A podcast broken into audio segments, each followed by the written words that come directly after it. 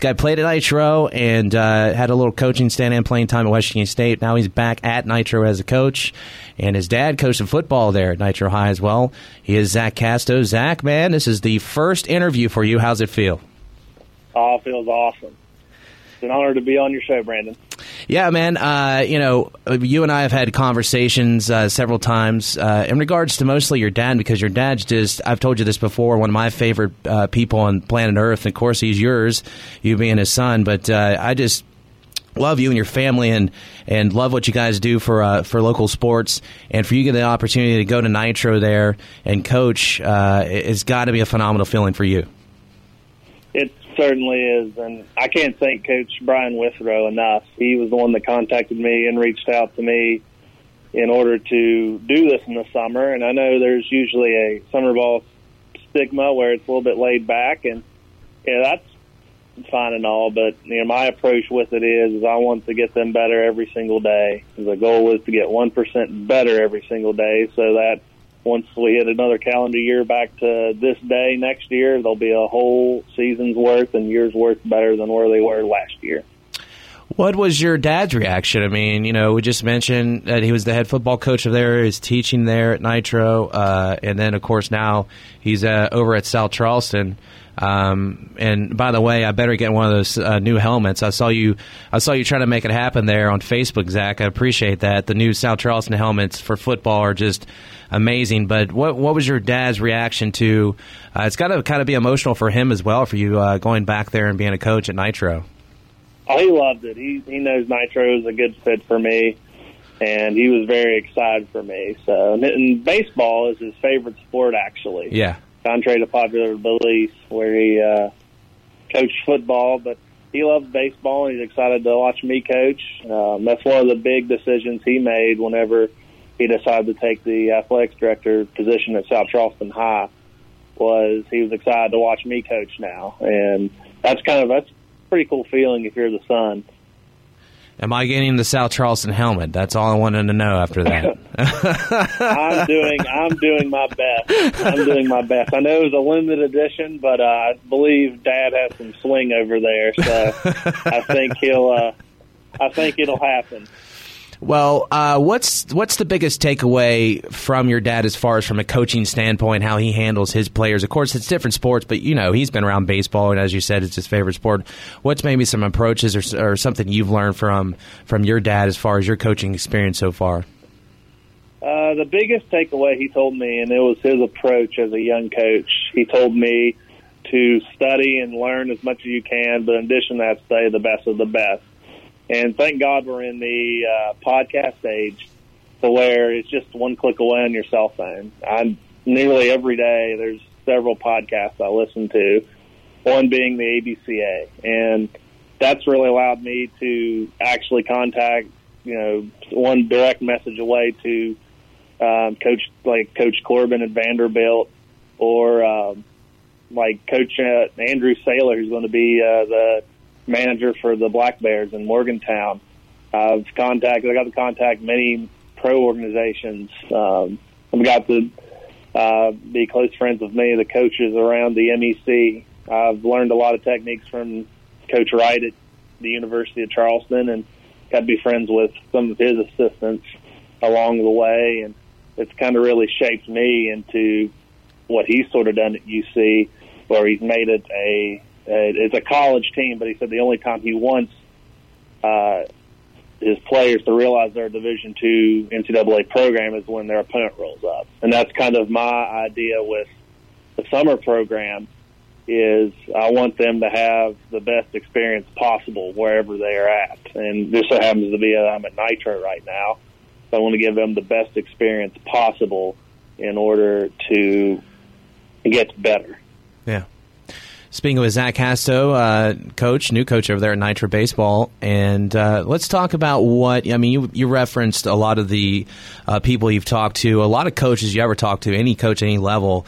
They have several uh, other you know individuals and, and, people in the profession to reach out to and get you know maybe some advice or how to handle things. So it's interesting. You name all those names off, and then uh, you know you move over to your dad's influence.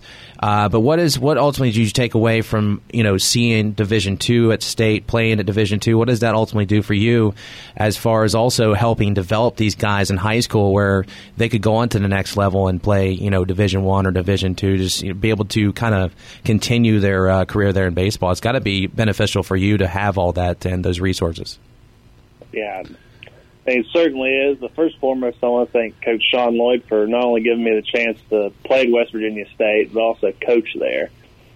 and what I learned from that program is it just goes down to people development. You have to to really get the player to buy in. Uh, there's an old saying that I've learned that they don't uh, care how much you know until they know how much you care, and I think that's a pretty powerful statement with that. So it just goes down to showing them every single day how much you care, and it really after that, uh, it takes care of itself. And the biggest takeaway I've seen, especially just one day being with the players, is just how how fast the college game is. Yeah, it's it's crazy how fast it is. But that's not a that's nothing wrong with the high school game. The high school game is certainly quick enough. It's a fun game and I'm excited to get my feet wet on the high school level. Speaking with Zach Casto, he's going to be coaching over there with Nitro. He played at Nitro, and, and going back to that, that's got to be uh, you know the emotions there, but it's gonna it's really probably settles in once you get over back over to that field, and you kind of take it in. That's that's got to be kind of cool. Kind of takes you back to some of probably your memories there at Nitro. Yeah, we had at that time. Uh, I was playing for Coach Stephen Pritchard, who excellent coach. I mean, took Nitro to another level when he was there, and I'm fortunate enough to still this day talk to Coach Pritchard. Uh, we usually talk possibly once a week and uh, just catch up. But so another cool thing he did for me, actually on my signing day when I signed West Virginia State, he gave me all of his coaching materials.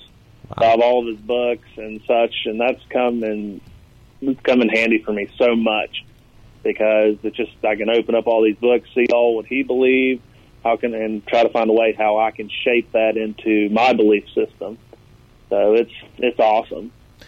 It's just awesome to be back there. It's a lot of memories and it's a lot of lessons, but I'm excited for me. It's more about the players now. I'm excited for them to get better the cool part too for you coming in because um, you're still young enough to where these high school kids trying to get these kids to respond and be responsive and be attentive towards you know uh, anything nowadays is almost impossible because of technology and social media but for you kind of still obviously having your youth and you're just you know you you still got a couple years ahead of these kids obviously but for you to still have the knowledge of how to get these kids to respond has got to be big for you as well. I think that's that's got to be exciting for you to know that hey, I can relate to the kids, I can get them to respond, and I can you know get them to buy into my coaching philosophies.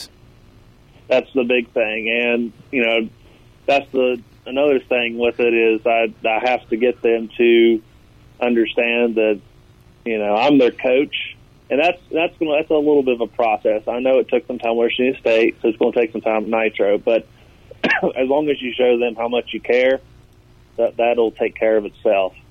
So it's a process, but it's a process that's worth it. And at the at the very best part of it is I get to have experience and learn from it, and that's that's invaluable to me. What was your favorite part of high school baseball, and what was the best part about college baseball? What was the major difference? You talked about speed also, but what what did you enjoy more? or what did you take in from high school and then you get to college baseball? The difference between the two, and then what you took away from both of those. Uh, for high school ball and college, I think it meshes with the playoffs. Now, I do, and I did enjoy the college aspect of the playoffs better, just based off of it's you know you get to be in this big. Uh, they treat us very well at Beckley. You get these big um, houses to where you're with your teammates basically twenty four seven if you want to go watch games, you can do that.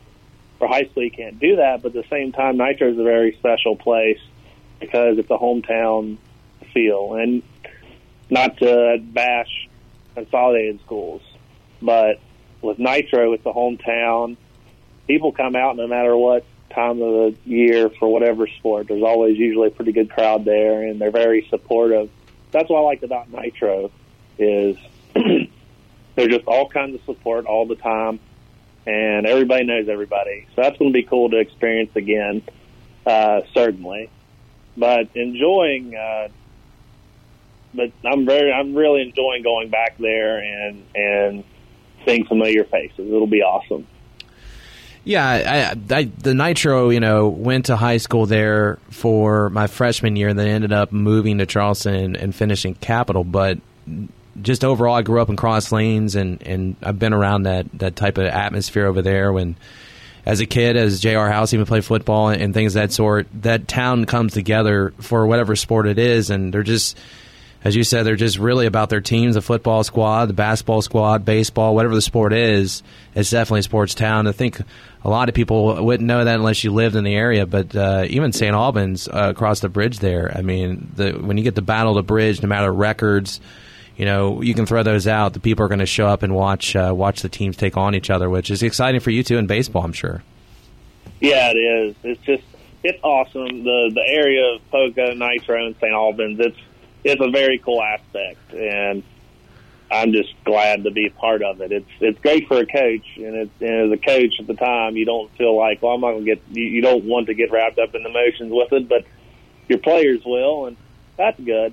But the the key for that is, man, just enjoy it. It's all a part of life, and enjoy the moment. And I, I can't express that enough. Just got to enjoy the moment, and I'm certainly excited to. Uh, to experience that. It is a unique feeling. Yeah, yeah, it is. Very good baseball in that area as well, so it's going to be a lot of fun. Um, what do you initially want to accomplish in your first year coaching there at Nitro? What do you kind of want to kind of put down as your initial roots? Uh, what are you looking to accomplish your first year? Uh, just the, the to get to where we can master the simple things. That's going to be my goal this summer is to have them uh, master the fundamentals and uh, understand that they don't have to go as fast as possible to get somebody out or have to go as fast as they think they can. It's just a simple process of, especially on defense, that it's one out at a time, uh, one pitch at a time. It's just each pitch is an event. So truly, really just slowing the game down, finding their routine, and making the game easier because the baseball's hard enough on you and to find a way, a routine to not get frustrated is very, very important. He's Zach Casto. Uh, He's going to be uh, coaching there at Nitro coming up uh, through the summer. Then we'll get around and, and fall and all that stuff, and you'll be there at the school that you played at. And uh, man, I'm glad to be your first interview. Congratulations to you on your opportunity there at Nitro. Say hey to your dad for me, and uh, man, good luck this upcoming season. We'll be talking to you soon. Thank you very much. It was an honor to be on your show.